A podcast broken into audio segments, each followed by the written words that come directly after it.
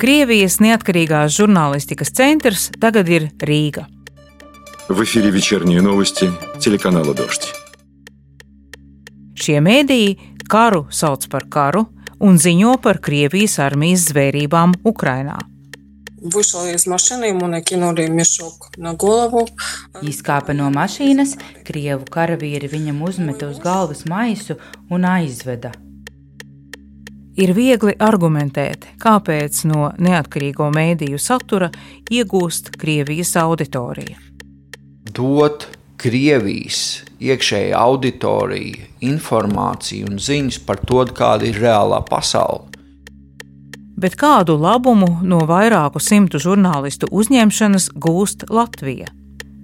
Mans vārds ir Rita Ruduša, un raidījumā Atvērtie faili šoreiz pētīsim Krievijas neatkarīgo mēdīju klātbūtnes ietekmi Latvijā. Pirmā daļa - Paldies Baltijas valstīm!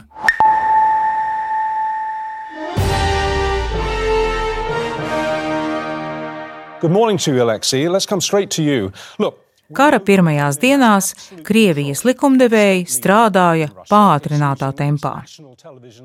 4. martā, tikai astoņas dienas pēc iebrukuma Ukrainā, viņi pieņēma divus likumus, nosakot administratīvu un kriminālu sodu par tā saucamās viltus informācijas izplatīšanu.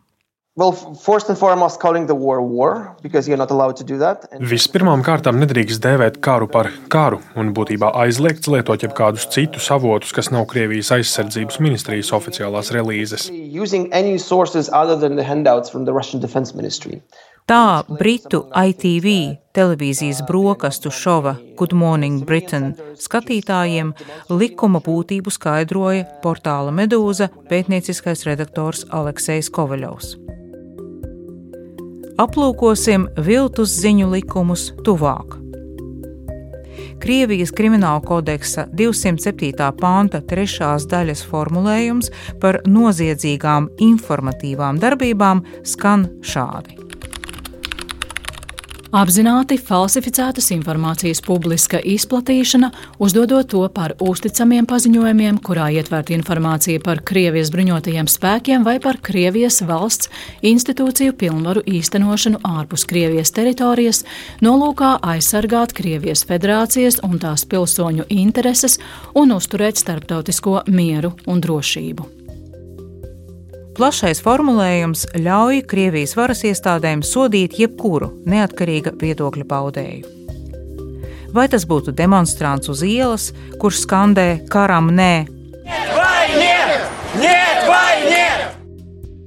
vai dziedātājs un blogeris, kurš nodziedājis pretkara dziesmu un publicējis to sociālajos tīklos.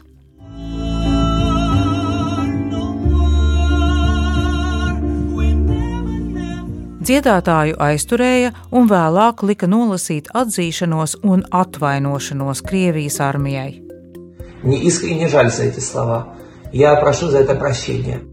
Es patiesi nožēloju šos vārdus un lūdzu par tiem atdošanu.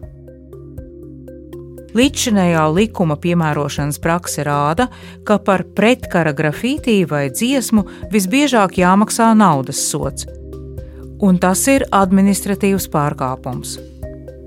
Soda apjoms līdz pusotram tūkstotim eiro.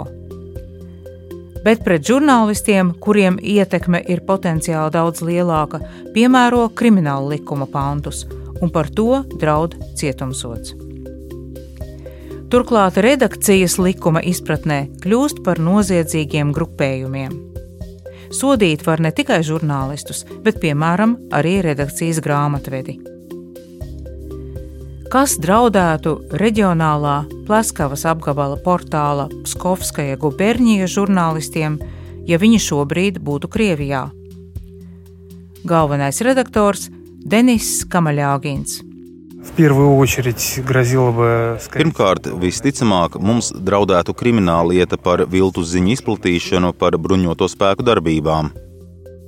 Tas ir līdz 15 gadiem cietumā, atkarībā no krimināla kodeksa panta. Заводилось бы уголовное дело на каждого персонально или на... Krimināllieta varētu tikt ierosināta pret katru personīgi, vai arī pret visu redakciju. Tad tas ir uzskatāms par noziegumu, ko izdarījusi personu grupa, un attiecīgi sots no 10 līdz 15 gadiem. Mūsu platforma Krievijā tika bloķēta tieši ar šādu pamatojumu. Mēs izplatot viltus ziņas par bruņoto spēku aktivitātēm. Lieta var tikt ierosināta arī žurnālistam, atrodoties ārpus valsts. На днях на меня завели административное дело. Pirms pāris dienām pret mani tika ierosināta administratīvā lieta par bruņoto spēku diskreditāciju. Pagaidām Krievijas varas iestādes netiek klāt žurnālistiem, kas ir izbraukuši. un liela loma šeit ir vīzu ierobežojumiem.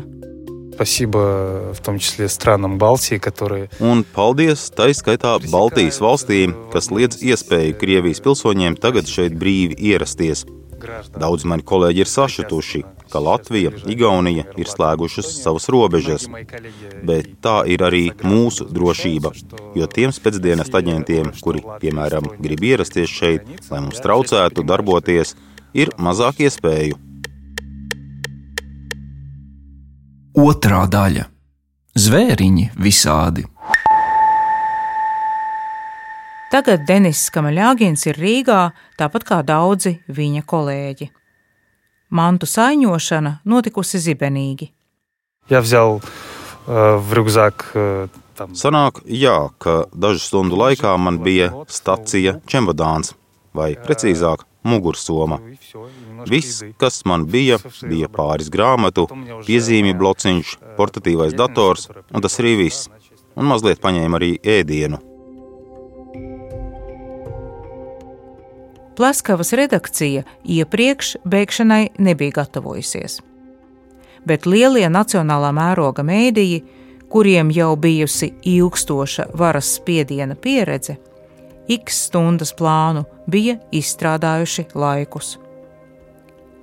Laikraksta Novaja Gazeta Evropa galvenais redaktors Kirills Martīnovs to atceras šādi. Где-то с октября или с ноября я, в общем, у меня был такой... Jau kopš oktobra, novembra man galvā bija tāda kā aploksne, kuru atvērt un saskaņā ar kuras instrukcijām rīkoties, ja iestāsies x stunda. Es šo aploksni atvēru 24. februārī, un 25. februārī mums iznāca avīze Krievu un Ukrāņu valodā. Un bija skaidrs, ka ilgi nenoturēsimies. Tas ir daždienu jautājums, un jau 2. martā es ierados Rīgā, lai sāktu darbību šeit. Lai iekļūtu Latvijā, žurnālistiem bija nepieciešama vīza. Kamaļāgins atceras, ka vīzu piešķiršana notika tikpat zibenīgi kā mugursomu kravāšana Этот вопрос был решен чуть больше, чем за сутки. Šo jautājumu atrisināja mazāk nekā diennakts laikā.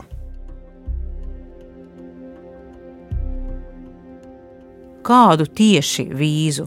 Jo zināms taču, ka vispārīgi parasto turisma vīzu, jeb Schengens C vīzu izsniegšana no Latvijas puses ir pārtraukta. Latvijas ārlietu ministrijas īpašais pārstāvis informatīvās telpas drošības jautājumos Viktors Makārovs skaidro. Vienīgais veids, kā uz vīzu var pieteikties, tā ir tā nu, humānā vīza, jeb ilgtermiņa vīza uz humāniem apsvērumiem. Un tad jau mums bija jāvērtē, vai mēs šādu vīzas pieteikumu pieņemam vai nē. Un uh, mēs uh, skatījāmies, es teiktu, diezgan kritiski, vai tiešām cilvēks ir apdraudēts dēļ savām profesionālajām aktivitātēm, un otrs, ko vispār cilvēks plāno darīt, pārceļoties uz Latviju. Atverot durvis Krievijas neatkarīgajiem mēdījiem, būtiski bija ieviest stingrus atlases kritērijus lai pa tām neienāktu Latvijai nevēlami cilvēki, piesadzoties ar tēzi Es nīstu Putinu. Bija cilvēki, kas tieši tā apmēram arī rakstīja, ka es esmu blogeris, rakstu sliktas lietas par Putinu. Gribu turpināt rakstīt. Nē, tas nestrādā, un arī, kad elektroniskie mediji mazpazīstami rakstīja, ka nu, mēs nevaram atļauties rakstīt patiesību par Kremli un par režīmu. Un tāpēc gribam pārcelties. Un tad sākam pētīt, ko tad īsti viņi dara līdz šim. Nu, tur zvēriņi visādi par ceļojumiem uz Itāliju. Nu, tad, nē, tas process, protams, vienmēr ir bijis diezgan selektīvs ar nopietnu vērtējumu. Bet kāpēc žurnālistu izvēle bija Latvija? Viss sākās ar Latvijas ārlietu ministra Edgara Rinkēviča tvītu angļu valodā drīz pēc viltus ziņu likumu pieņemšanas Krievijā.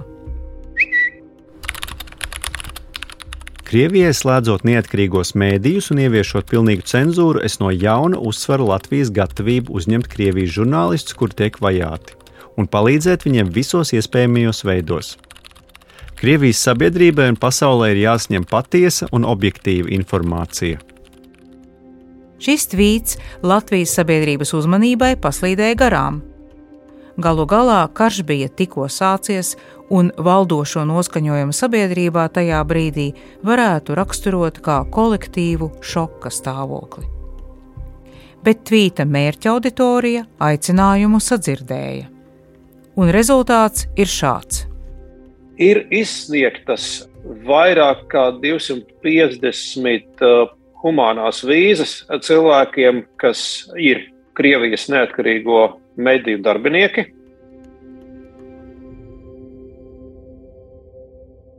Trešā daļa - Tvīts atver durvis. Tātad bija ministra tvīts, un uz Latviju sāka braukt Krievijas neatkarīgie žurnālisti ne tikai lielie vārdi no Maskavas, tādi kā televīzijas kanāls Dožģis vai Novaja Gazeta, bet arī žurnālisti no Pērmas, Tveras, Pleskavas un pat Baikāla reģiona. Visiem, gan maskaviešiem, gan tveriešiem, tagad jāmācās dzīvot demokrātijā. К сожалению, у нас не устроена была просто по-человечески не устроена жизнь. Es tagad saprotu, cik nesakārtota, pat cilvēciski nesakārtota bija mūsu dzīve. Bet par to vēlāk. Vispirms ielūkosimies Edgara Rinkēviča tvīta aizkulisēs. Kādi tad bija Latvijas valdības apsvērumi, lai izšķirtos par šādu rīcību politikas soli - atvērt durvis žurnālistiem no Krievijas? Viena no pirmajām reizēm, kad politikas pamatojums izskanēja publiski, bija šī gada sarunu festivāls Lampa. Vai ir šeit kāds, kurš vēlētos no auditorijas pajautāt kaut ko diskusijas dalībniekiem? Skatuves puldze. Diskusija drošība 21. gadsimtā blakus Krievijai. Edgars Rinkēvičs, atbildot uz skatītāju jautājumu par to, kādēļ Latvijā nav izveidots televīzijas kanāls Krievu valodā, pasaka sekojošo. Paši nevarējām vienoties, vai mums vispār to vajag.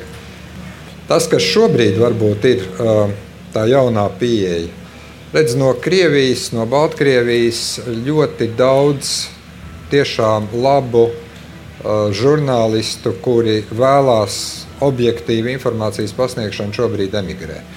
Un es pat teiktu, pat ja viņu primāra auditorija ir Krievija, kaut kas tomēr nosēžās arī šeit. Un es domāju, ka varbūt ka tas ir vēl viens mēģinājums, kā atšķēdīt šo informatīvo tāpu.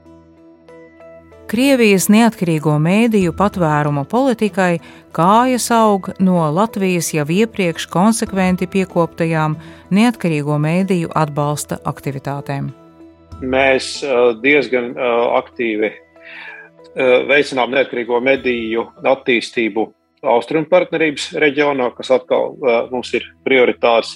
Tāpēc, pastiprinoties represijām pret neatkarīgajiem medijiem Krievijā, mēs esam šo jautājumu diezgan aktīvi cilājuši starptautiski. Un tad, kad pienāca brīdis praktiski palīdzēt, es domāju, ka ministra paustais par atbalstu Krievijas neatkarīgajiem medijiem izklausījās diezgan loģiski.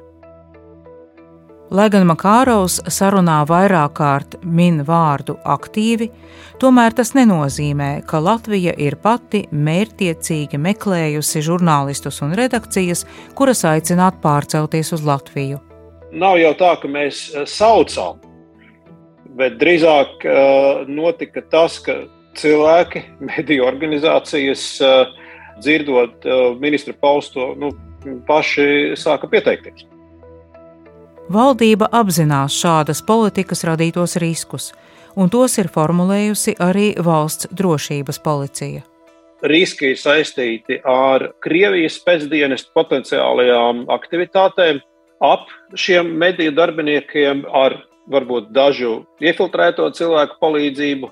Nu, un vēl viens risks, ko VDD saskata, ka šo pašu mediju darbība var uh, sākt izpausties kā propagandas aktivitātes Krievijas labā. Bet ieguvumi šos riskus atsverot, to uzsver gan politikas veidotāji, gan eksperti.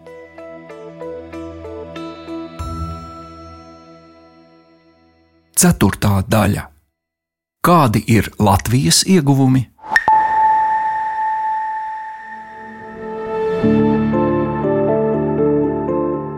Tātad uz ārējo auditoriju Krievijas mēdījiem nostrādāja iepriekš minētais ārlietu ministra tvīts.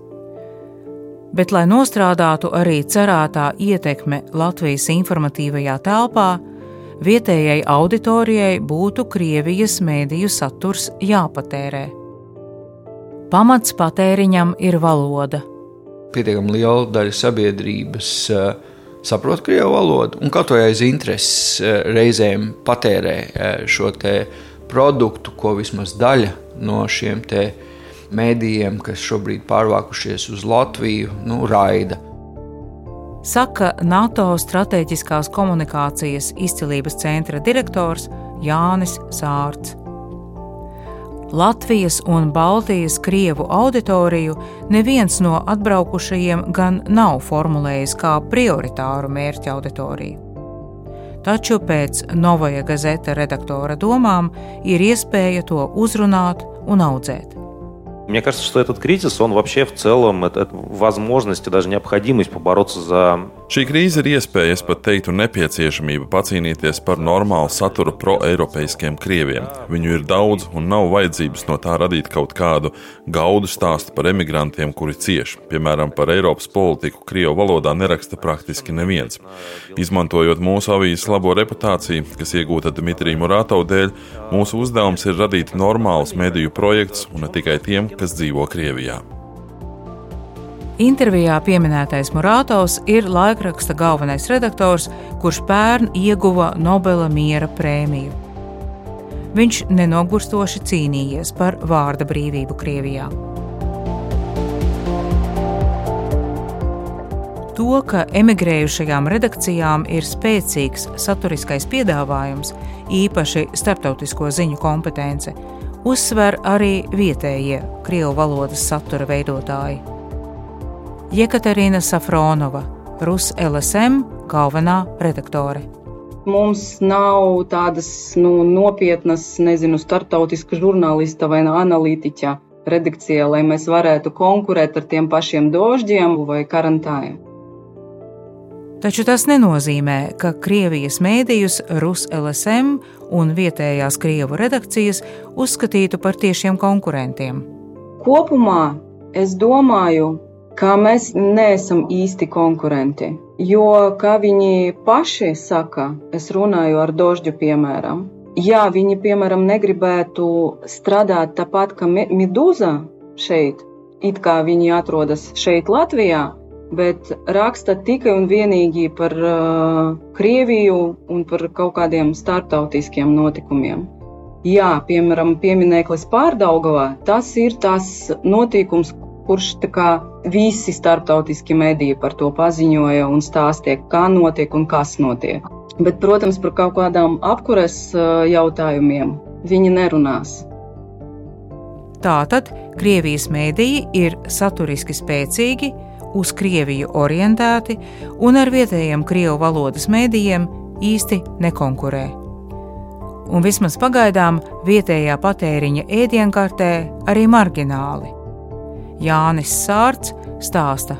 Lielākā daļa, protams, pamatā domājot par Krievijas uh, auditoriju Krievijā, Bet nu, sekundāri noteikti cilvēki klausās, skatās, vēro, izdara secinājumus. Nu, jā, viņi ir kļuvuši par zināma veida spēlētājiem, bet nu, joprojām, manuprāt, tādiem mar marģināliem. Īpaši rūpīgi Latvijas auditorija vēro lielos spēlētājus, tādus kā Dožģi. Dožģi daudz ziņo par karu un Krievijas karavīru zvērībām, kā šajā sižetā no Bučas. Вышел из машины, ему накинули мешок на голову. Izkāpa no mašīnas, krievu karavīri viņam uzmeta uz galvas maisu un aizveda bet reizēm ekrānā redzētais izraisa sašutumu. Piemērs - Dožģa intervija ar Rīgas mēru Mārtiņu Staķi. Мы, в частности, поговорили с мэром Риги Мартиншем Стакисом. Sarunas centrā bija plāni nojaukt pieminekli uzvaras parkā, kurā daudzi saskatīja prokremliskas notis. Daži Krievijas mēdīji tomēr mērķtiecīgi domā par vietējās auditorijas uzrunāšanu un izmēģina sevi tādā kā vidutāja lomā. Skaidro Baltiju Krievijai un otrādi. Denis Камалягins precizē. Рано или поздно это все закончится. Mm. Я надеюсь, что закончится хорошо. Ceru, ka tas beigsies labi, un Latvijai, Igaunijai un Lietuvai būs kaut kā jāveido attiecības ar savu kaimiņu, kurš ir pa labi. Kas tur vadīs, nav zināms. Nav zināms, kas notiks ar šo teritoriju kopumā. Vai jums pa labi tagad būs Krievija vai kāda jauna valsts? Tāpēc mūsu uzdevums ir pastāstīt par šo teritoriju, jo tuvākajā laikā jūs ar to strādāsiet, sazināsieties, un jums ir jāzina, ko no tās sagaidīt. Tas ir mūsu uzdevums.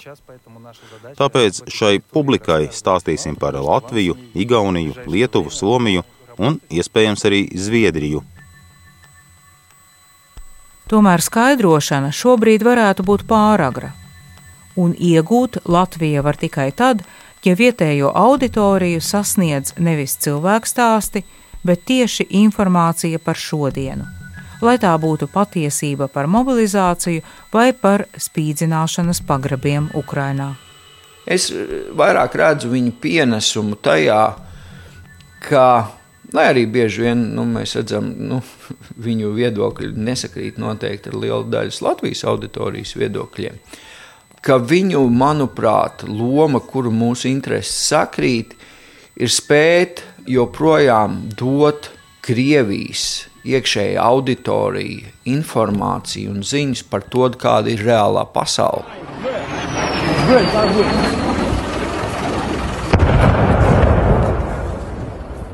Un ielūkojoties reālai pasaulē acīs, cerams mainīsies viņu viedoklis par diktatora un propagandistu uzbūrto nereālo pasauli. Makāraus turpina. Īstermiņa ieguldījums ir šāds. Iemesls, kāpēc Krievijas valdība eh, spēja turpināt karu Ukrainā, ir tas, ka pagaidām izdodas apstrādāt skalots madzenes lielai, ja ne lielākai daļai Krievijas iedzīvotāju, neļaujot cilvēkiem uh, saprast, kas reāli notiek Ukrainā, Krievijā un pasaulē. Tāpēc šo neatkarīgo mediju darbs patiesībā ļauj vai palīdz vai dod cerību, ka mēs spēsim mazināt Krievijas iedzīvotāju atbalstu agresijai Ukrajinā, un tas ir svarīgi. Bet ir arī ilgtermiņa ieguvums ar nezināmu sākuma datumu. Ilgtermiņa ieguvums, uz kuru gan neviens nezina, cik ilgi būs jāstrādā. Varbūt gadu, varbūt piecus, varbūt desmit. Ir nodrošināt, ka brīdī, kad Krievijā sāks mainīties situācija. Ka šo pārmaiņu apstākļos uh, būs, kas Krievijas iedzīvotājiem varēs pastāstīt par realitāti, pastāstīt patiesību. Piektā daļa - mācīties dzīvot Eiropā.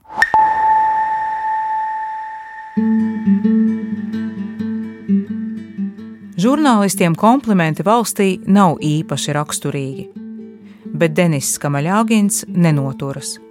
Сейчас будет много комплиментов, э, да, я так скажу. Tūlīt būs daudz komplimentu, bet es tomēr pateikšu. Lielai daļai žurnālistu, kuri savā profesionālajā darbībā gadiem konsekventi aizstāvējuši demokrātiskās vērtības, Rīga ir pirmā pieredze dzīvei funkcionējošā Eiropas demokrātijā. В России политическая жизнь умерла. Politiskā dzīve Krievijā ir mirusi jau sen. Pie mums runā tikai viena partija, visi viens otram piekrīt, Visi piekrīt prezidentam, saka absolūtus melus. Šeit ir pilnīgi cita politiskā realitāte, normāla politiskā dzīve. Savukārt Kirillis Martīnovs Latvijas žurnālistu asociācijas konferencē septembrī atzinās, ka joprojām cieš no Krievijas žurnālista kompleksiem. Kāds Latvijas politiķis kaut ko kritisku pasaka par Krievijas neatkarīgiem mēdījiem, un šie mēdīji to uztver kā draudu. Ilgstoši dzīvojot represiju apstākļos, ir izstrādājušies instinkti, tāds kā sāsināts jūtīgums uz potenciāliem zemūdens akmeņiem. Skaidro Jānis Sārts. Kā mēs zinām, demokrātijā ir ļoti daudz debates, diskusijas, dažādi viedokļi, no kurienes tad mēģina radīt, nu, kur tad mums tas kompromiss būs. Un cilvēks, kas dzīvojas autoritārismā, viņam galvenais uzķert tās patiesās uh, zemūdens strāvas, lai varētu paredzēt, kur būs tie lēmumi. Jaunums atbraukušajiem žurnālistiem ir arī dzīves kvalitāte Latvijā tas, kā uzvedas autovadītāji, kā ar tevi runā pārdevējas, cik viegli un ērti var ar vilcienu atbraukt no jūrmālas līdz Rīgai, un cik nenozīmīgi, salīdzinot ar Krievijas lielpilsētām, esot Rīgas sastrēgumi. Denisa Kamaļāgina komplimenti turpinās У нас абсолютный приоритет на дороге у водителей. Mums ir absolūta prioritāte uz ceļa autovadītājiem. Viņi uzvedas absolūti nekaunīgi, un jūs pat tur uz gājēju pārējas, šķērsojot ielu pie zaļās gaismas, labāk paskatieties simt reizes dažādos virzienos, lai šķērsotu ceļu. Denis dzīvo netālu no Ziedoņdārza Rīgā un ir izbrīnīts arī par rīta skrējējiem. Люди не стесняются там бегать по паркам, заниматься. Cilvēki nekautrējas skriet pa parkiem, sportot. Pie mums nekā tāda nav. Piebildīšu, ka arī mūsu saruna notiek ārtelpās. Denis izvēlējās doma laukuma soliņu, nevis, piemēram, Latvijas rādio studiju vai savu kabinetu. Taču aiz komplimentiem stāv diezgan skarba pieredze. Paši žurnālisti par to runā nelabprāt, bet Latvija, kā uzņemošā puse, zina, ka viņi pārsvarā ir ļoti traumēti. Viņiem tas ir bijis ļoti smags periods ar diezgan ilgstošām represijām, nedrošību Krievijā, un tas viss kulminēja ar nepieciešamību pamest savu valsti, savu dzimteni. Krievijas žurnālistu stratēģiskie plāni šobrīd nav un nevar būt tālajoši humanitāro vīzu darbības termiņš ir viens gads. Kāda būs situācija pēc gada, vai būs iespēja vīzas pagarināt, to šobrīd neviens nevar prognozēt. Tikmēr tuvākā perioda plānos patvērumu atradušie žurnālisti varētu ierakstīt dziļāku Latvijas iepazīšanu. Tas palīdzētu vieglākai adaptācijai Eiropas demokrātijā un nāktu par labu arī Edgara Rinkēviča minētajam mērķim - labāk atšķaidīt informatīvo telpu. Jānis Sārts rezumē. Tu nevari dzīvot uh, valstī un pat šķietami runāt ar citu auditoriju, bet nesaprast to kontekstu, kādā tu atrodies. Jo gala beigās, pat ja tu runā ar citu auditoriju, šeit būs tādi, kas klausīsies, un tev nesaprotot kontekstu, pasakot lietas, nu, teiksim tā, viņas var tikt uztvērtas sāsināti. Raidījumu veidoja Rita Ruduša, Filips Lastovskis un Reinis Budze. Atvērtie faili!